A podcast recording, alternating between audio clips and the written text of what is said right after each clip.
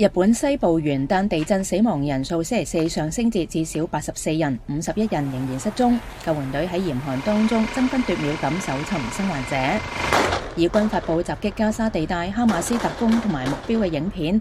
加沙卫生部话，袭击造成超过二万二千三百人死亡，其中三分之二系妇女同埋儿童。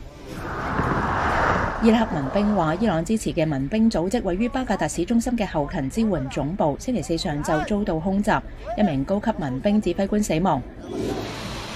電視畫面顯示，俄羅斯同埋烏克蘭兩國喺星期三進行戰俘交換之後，俄羅斯戰俘星期四返回莫斯科地區，兩國交換咗幾百名嘅戰俘。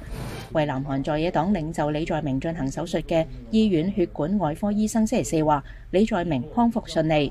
佢星期二喺釜山一场活动当中被刺伤。